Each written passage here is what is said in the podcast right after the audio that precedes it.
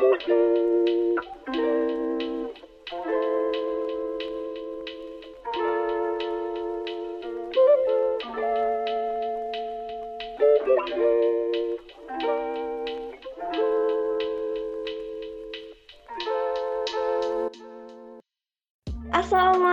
warahmatullahi wabarakatuh. Kembali lagi di podcast Himatek Pen. Kali ini bersama aku sama Santa Widuri dan Anissa Koiriah dari Teknologi Pendidikan 2019 yang akan menemani kalian di podcast kali ini. Oke, kali ini kita akan membahas topik khusus nih, yaitu tentang kesehatan mental. Kalian tahu nggak sih kalau tingkat kesehatan mental di Indonesia itu masih darurat? Padahal peduli mengenai tingkat kesehatan mental itu sangat penting, khususnya kita nih, kaum milenial. Nah, tanpa basa-basi, langsung aja yuk kita sambut narasumber kita, yaitu Teh Farhana Sabita Ferlianta dari Mahasiswa Psikologi Universitas Pendidikan Indonesia. Halo Teh Farhana. Halo. Enaknya manggil apa ya? Boleh dong Teh memperkenalkan diri dulu. Kan pepatah mengatakan tak kenal maka tak sayang. Oke, aku perkenalin diri dulu ya. Kenalin, aku Farhana Sabita dari Psikologi Angkatan 2018. Nah, biar lebih enak nih manggilnya biar singkat, bisa dipanggil Hana aja. Oke, halo Teh Hana. Oh ya, ngomong-ngomong Teh, uh, lagi ada kesibukan apa nih? Uh, kesibukan saat ini sih yang pasti kuliah ya, lagi sibuk-sibuknya. Terus juga ada beberapa kegiatan magang, terus juga kepanitiaan sama volunteer. Wah, lumayan sibuk ya Teh ya. Bukan lumayan sih, emang lagi sibuk-sibuknya ya Teh ya. Benar, Kayaknya benar. banyak deh yang lagi sibuk kuliah online gitu ya. Nih, ngomong-ngomong, kita mau ngebahas tentang mental health. Nah, menurut Teteh, apa sih mental health itu? Uh, kalau singkatnya ya, mental health itu kalau kita bahasa Indonesiain kan artinya kesehatan mental. Nah, kalau menurut dari definisi yang aku baca nih dari WHO, itu kesehatan mental adalah keadaan di mana kita itu sedang tidak berada atau tidak mengalami gangguan jiwa atau tingkat kesejahteraan psikologis kita itu berada dalam uh, tingkat yang baik. Nah, kalau gangguan jiwa itu kayak gimana sih gangguan jiwa itu yang sering banget nih kita dengar kayak depresi, stres, gangguan kecemasan dan lain-lain. Oh, gitu. Nah, pasti dong Teh, mental health itu sangat penting ya. Nah, menurut Teteh, seberapa penting mental health itu? Yang pasti mental health atau kesehatan mental itu penting banget sih. Soalnya uh, karena ketika kita menjalani kehidupan sehari-hari, kalau misalkan kesehatan mental kita itu tidak sedang berada dalam keadaan yang baik atau kita sedang mengalami gangguan mental, kita tidak bisa melakukan aktivitas sehari-hari kita dengan baik. Contohnya tuh kayak misalkan performa kita menurun, kita jadi sulit konsentrasi, terus badan tuh bawaannya lesu, jadi capek, kita jadi nggak bisa produktif dan mengerjakan pekerjaan kita sehari-hari. Jadi kesehatan mental itu sama pentingnya dengan kesehatan fisik. Berarti sangat-sangat penting ya Teh sama kehidupan kita. Betul banget. Nah, menurut Teteh nih, gimana caranya kita peduli dengan keadaan mental kita? Nah, gimana sih caranya supaya kita peduli ya? Jadi e, caranya itu sebenarnya gak banyak. Kita cuma butuh dua hal. Yang pertama itu adalah self awareness atau kita punya tingkat kesadaran yang tinggi. Maksudnya tuh gimana? Jadi maksudnya tuh ketika kita nih misalkan mengalami suatu masalah, terus kita mulai nih merasakan perasaan-perasaan sedih, perasaan-perasaan marah, kita tuh sadar gitu akan perasaan tersebut. Jadi ketika kita udah mengenali perasaan-perasaan tersebut, kita tuh bisa langsung mengidentifikasi hal tersebut dan mencari solusinya. Jadi masalah kita itu tidak akan berlanjut menjadi stres yang berkepanjangan. Nah, yang kedua itu adalah uh, untuk peduli dengan kesehatan mental kita, kita itu jangan pernah takut untuk minta tolong ke tenaga profesional. Sama halnya ketika kita sakit dan sakit kita parah, kita pasti pergi ke dokter kan untuk minta disembuhkan dan minta obat lain sebagainya. Sama halnya ketika kita kesehatan mental kita ini benar-benar lagi apa ya dalam fase yang sangat-sangat tidak baik dan kita tidak bisa mengendalikan hal tersebut, kita itu jangan takut dan jangan malu untuk pergi ke psikolog. Wah, ternyata banyak banget caranya ya Teh ya. Nah, kan sekarang banyak yang lagi sibuk kuliah online ya Teh. Nah, menurut Teteh, kuliah online itu berpengaruh nggak sih terhadap kesehatan mental kita? Nah, ini bagus banget pertanyaannya karena relate banget kan sama apa yang dialami mahasiswa sekarang. Menurut aku itu pengaruh banget. Kenapa? Karena yang pertama, kita kan dalam situasi pandemi. Pandemi ini belum pernah kita uh, apa ya namanya? rasakan kan sebelumnya, belum pernah kita alami sebelumnya. Nah, banyak proses-proses adaptasi, peralihan dari metode belajar, dari metode belajar yang biasanya kita secara langsung, bisa ketemu langsung, bisa berdiskusi langsung, itu semuanya dipindahkan menjadi online. Nah, dalam proses adaptasi itu, pasti apa ya, banyak dari kita tuh yang belum terbiasa, terus bingung, sama apa ya, mungkin bisa dibilang stres dan tertekan juga gitu. Soalnya banyak banget kan hal yang berubah gitu, kita harus membiasakan diri. Nah, itu berpengaruh banget sih sama kesehatan mental kita soalnya karena proses adaptasi itu bisa aja membuat kita tertekan dan stres dan itu akan mempengaruhi kesehatan mental kita. Wah, banyak banget ternyata ya perubahan-perubahan yang terjadi belakangan ini dan itu ternyata berpengaruh. Um, terkait tadi perubahan yang tadi sih teh, kadang kan perubahan itu sendiri membuat mood kita ini ups and down ya, gak stabil gitu. Nah itu kenapa bisa seperti itu ya di masa pandemi seperti ini? Nah, kenapa sih nggak stabil gitu ya? Kayak banyak dari kita yang ngalamin itu mood swing ya, mungkin apa namanya bahasa populernya.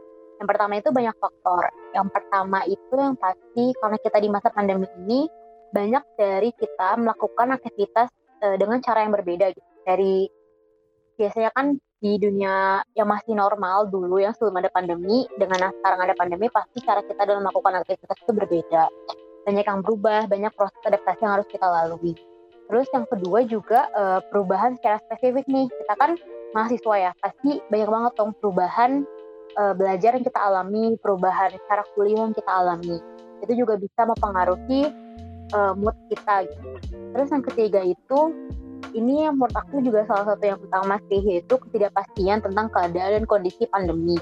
Jadi kita kan belum tahu ya kapan pandemi ini berakhir. Terus juga kalau yang kita lihat tuh kayaknya pandemi ini kayaknya belum bisa dibilang sudah mereda gitu malah kasusnya itu semakin bertambah kan jadi ketidakpastian itu bikin kita cemas nah dari cemas ini tuh bisa bikin kita uh, stres dan pada akhirnya menimbulkan mood kita tuh jadi gak stabil jadi mood swing gitu kan terus yang keempat itu ada kayak masalah finansial. Pasti kan finansial dan ekonomi terpengaruh banget gara-gara ada pandemi ini. Terus yang kelima itu kita nggak bisa keluar rumah untuk melepas stres. Biasanya kan beberapa dari kita atau mungkin banyak dari kita ketika kita ingin melepas stres atau kayak udah jenuh sedikit kita tuh uh, melepaskannya tuh dengan cara keluar rumah gitu. Entah ketemu sama temen di luar atau kita jalan-jalan ke mall lain sebagainya. Sedangkan uh, di pandemi ini kan yang bagus itu untuk kita stay at home di rumah dan juga physical distancing gitu kan jadi kita nggak bisa keluar rumah nih terus yang keenam juga ada faktor lain yaitu hubungan dengan orang di rumah. Karena anjuran pemerintah untuk stay at home dan berada di rumah itu membuat kita terjebak kan sama orang rumah. Dan mungkin beberapa dari kita tuh ada yang hubungannya kurang harmonis nih sehingga ketika berada di rumah itu malah bikin tambah stres. Nah dari faktor-faktor banyak ini itu bisa menimbulkan stres. Nah dari stres itu tuh yang bikin mood kita tuh jadi nggak stabil gitu. Wah banyak banget ternyata ya faktor-faktornya dan kadang memang uh, situasi-situasi yang tertentu seperti itu buat kita sebagai manusia sebagai makhluk makhluk sosial gitu ya kadang menjadi tantangan sendiri ya membuat stres bahkan tertekan ya betul, betul. Uh, kemudian hmm. gimana sih teh caranya untuk menangani stres nih di masa pandemi seperti ini teh karena kayaknya banyak nih dari teman-teman muda-mudi yang mungkin butuh banget nih uh, insightful hal-hal insightful seperti ini gitu teh? Oke, gimana sih caranya ngatasin stres ya? Yang pertama itu, hmm, sebelumnya aku udah jawab ya tentang self awareness atau kesadaran diri. Jadi kita itu harus yang pertama uh, kenali dulu nih apa sih yang bikin kita stres.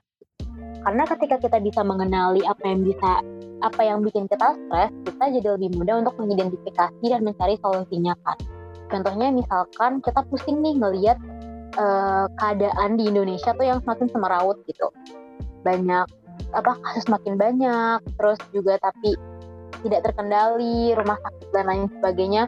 itu kita bisa batasi bisa uh, dapat solusi dengan cara membatasi arus informasi gitu. Karena kita stres dengan banyaknya berita-berita tentang COVID kita bisa membatasi arus informasi yang kita baca. Misalnya kita cuma baca informasi yang terpercaya nih kayak misalkan dari WHO kayak gitu kan. Jadinya kita nggak terlalu pusing dengan informasi-informasi lain. Terus yang kedua adalah kita harus jalin komunikasi dengan orang terdekat. Kita harus selalu keep in touch nih entah sama teman atau sama keluarga gitu kan. Karena dengan kita selalu jalan komunikasi, kita jadi punya support system nih. Jadi ketika kita punya masalah atau punya sesuatu yang ingin dibicarakan untuk menghilangkan beban, ada gitu orang yang kita bisa berbagi gitu. Karena dengan cara berbagi dengan orang tentang masalah kita itu akan sedikit meringankan beban pikiran kita. Terus juga ada yang namanya itu take a break, me time, and self reward. Jadi jeda take a break itu jeda atau istirahat. Jadi kita istirahat dulu nih dari semua kegiatan kita. Waktunya tuh nggak perlu lama, bisa kayak cuma 1 sampai dua jam atau kalau kita mau ambil satu hari yang juga bisa gitu. Atau tentu saja tanggung jawab tanggung jawab sebelumnya tuh udah dikerjakan gitu kan. Terus kita istirahat, kita me time, kita beri waktu untuk diri kita sendiri, entah itu kita mau merenung atau melakukan sesuatu gitu. Terus ketika kita udah me time, kita bisa nih ngasih reward ke diri kita sendiri uh, sebagai hadiah kalau kita bisa nih mengendalikan stres kita dengan cara tertentu. Kayak gitu sih. Wah, sangat berguna nih infonya buat muda-mudi.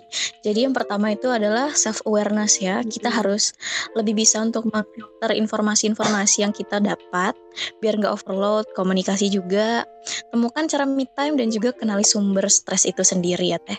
Uh, pertanyaan terakhir nih, Teh Okay. Boleh dong tips kesehatan mental baik nih, walaupun kita harus tetap di rumah aja. Nah, itu gimana teh? Hmm, di rumah aja ya, pasti kita harus tetap menjaga dong kesehatan mental. Nah, yang pertama itu yang paling basic nih, kita harus tetap menjaga kesehatan dan olahraga. Karena ketika fisik kita sehat, kita akan lebih mudah untuk melakukan sesuatu hal gitu. Lebih mudah untuk berpikir, lebih mudah untuk beraktivitas gitu. Kita harus apa ya makan yang sehat gitu. Terus juga harus minum air yang banyak dan juga tetap aktif dan berolahraga. Karena ketika tubuh kita sehat kita akan lebih apa ya lebih memungkinkan untuk terhindar dari virus kan. Jadinya ketika kita tahu tubuh kita sehat kita nggak akan terlalu mikirin kayak aduh aku imun aku jelek nih nanti aku bakal bisa cepat kena covid gitu. Dengan kita sehat kita akan mengurangi beban pikiran kita terhadap hal-hal tersebut Terus juga yang tadi seperti aku sebutin yang take a break, me time dan self reward itu uh, harus banget diterapin ya. Soalnya ketika kita stres, kita itu sebenarnya butuh jeda gitu, butuh istirahat kan untuk melakukan sesuatu hal yang kita suka atau sekedar cuma istirahat aja. Terus juga yang tadi keep in touch, jalin komunikasi, dan juga self awareness yang tinggi itu harus selalu diterapin. Dan ada juga uh, dua hal lain nih yang bisa kita lakuin untuk menjaga kesehatan mental di rumah aja. Salah satunya adalah kita melakukan hal baru atau mempelajari hal baru nih yang bikin kita excited. Mungkin ketika sebelumnya kita punya nih hal-hal yang di list kita kita pengen pelajarin tapi kita belum sempat gitu. Nah mumpung juga ini lagi musim liburan kan ya di bulan Desember Nah, kita bisa nih coba uh, luangkan waktu untuk mempelajari hal baru. Ketika kita mempelajari hal baru dan kita emang enjoy ngelakuinnya, itu kita akan terdistraksi untuk sementara dari beban-beban pikiran kita. Dan itu bagus banget untuk uh, melepas stres karena ketika kita enjoy melakukan sesuatu, itu hormon bahagia kita tuh akan naik. Kayak contohnya tuh hormon dopamin gitu. Nah, itu tuh bagus banget uh, untuk menghilangkan stres gitu. Nah, terus juga gimana sih walaupun di rumah aja gitu kan ya. Nah mungkin beberapa dari kalian belum ada apa ya belum ngerasa kayak butuh banget nih ke psikolog gitu. Kayaknya tuh aku emang ngalamin stres nih, tapi kayaknya aku belum butuh banget nih ke psikolog. Nah kalian itu bisa gabung ke namanya virtual support group. Jadi virtual support group itu apa sih? Jadi virtual support group itu adalah semacam kelompok uh, yang mempunyai masalah yang sama Nah, mereka tuh biasanya tuh saling cerita dan juga saling kasih support satu sama lain tentang masalah yang dialamin. Nah, itu biasanya tuh difasilitasi atau difasilitator sama seorang uh, psikologi, psikolog atau seseorang yang emang berasal dari keilmuan psikologi. Nah, di situ kita bisa dapat sudut pandang baru, bisa dapat uh, support system baru, gitu. dan juga kita apa ya? Karena kita di rumah aja, mungkin kita ngerasa nggak sendirian gitu. Kita jadi nggak ngerasa sendirian ngalamin masalah ini. Kayak gitu. Wah, ternyata banyak sekali tips-tipsnya dan oh yang aku highlight ini yang dua terakhir juga sih Teh, yang nggak kalah penting, yaitu melakukan hal yang nggak sempat dilakukan waktu kita lagi sibuk-sibuknya di kuliah offline ya mungkin, mm -hmm. dan juga ikut virtual support group itu penting banget dan itu cara yang canggih sih menurut aku virtual support group. Oke. Okay. Wah nggak terasa nih, sudah tujuh pertanyaan dan beberapa menit kita sudah berbincang-bincang. Tapi sebelum closing nih Teh, ada nggak sih yang uh, mau Teteh sampaikan buat kita-kita sebagai mahasiswa ke depannya? Gimana biar kita tuh lebih peduli sama kesehatan mental kita? Oke, uh, yang mau aku sampaikan adalah untuk mahasiswa-mahasiswa di luar sana, menurut aku sekarang gerakan kesehatan mental itu udah mulai banyak ya di Instagram, di platform-platform sosial media gitu. Dan mungkin juga tapi masih banyak beberapa orang yang apa ya belum aware akan kesehatan mental. Yang mau aku sampaikan adalah semoga semakin banyak orang-orang gak cuma mahasiswa aja yang makin peduli sama kesehatan mentalnya karena itu sama pentingnya gitu ya sama kesehatan fisik ketika kita punya mental yang sehat punya fisik yang sehat kita jadi bisa lebih mengoptimalisasi kehidupan kita gitu. Kita lebih bisa secara maksimal melakukan pekerjaan kita, secara maksimal melakukan tugas kita. Jadi yang mau sampaikan adalah kesehatan mental itu penting. Dan satu lagi sebelumnya kan banyak banget nih stigma atau apa ya ketika kita yang pergi ke psikolog gitu kayak ngapain sih di psikolog? gitu. Emangnya uh, kamu kenapa gitu? Dan aku cuma mau menyampaikan uh, pergi ke psikolog itu gak harus ketika udah parah tapi ketika kita udah mulai ngerasa gak nyaman pun atau kita ngerasa gak tahu mesti kayak gimana apa namanya menangani apa yang kita rasakan gitu mungkin stresnya sudah terlalu berat gitu. itu nggak apa-apa banget kita kasih psikolog gitu sih jadi jangan malu untuk meminta bantuan ke tenaga profesional. Oke. Satu lagi nih teh. Pesan buat Pen ke depannya dong. Oke oke pesan buat Himatek Pen yang pertama aku mengucapkan terima kasih banget udah apa namanya ngasih kesempatan aku buat bisa sharing tentang kesehatan mental melalui podcast Himatek Pen terus juga uh, apa ya semoga ke depannya podcast Himatek Pen ini bisa menghadirkan narasumber-narasumber baru yang keren-keren dan juga topik-topik yang menarik menarik dan juga pastinya relate sama uh, anak muda dan juga mahasiswa. Amin. Oke, terima kasih Teh Hana udah mau menyempatkan hadir di podcast Himatek Pen. Sukses dan lancar kuliahnya ya Teh ya. Amin, makasih banyak ya. Nah, mudah-mudi bagaimana topik pembahasan kali ini? Bermanfaat sekali bukan? Semoga bermanfaat ya untuk kalian. Sudah waktunya aku, Selma Santawiduri dan Anissa Khairiyah pamit undur diri. Sampai jumpa di podcast selanjutnya. Bye-bye. Bye-bye.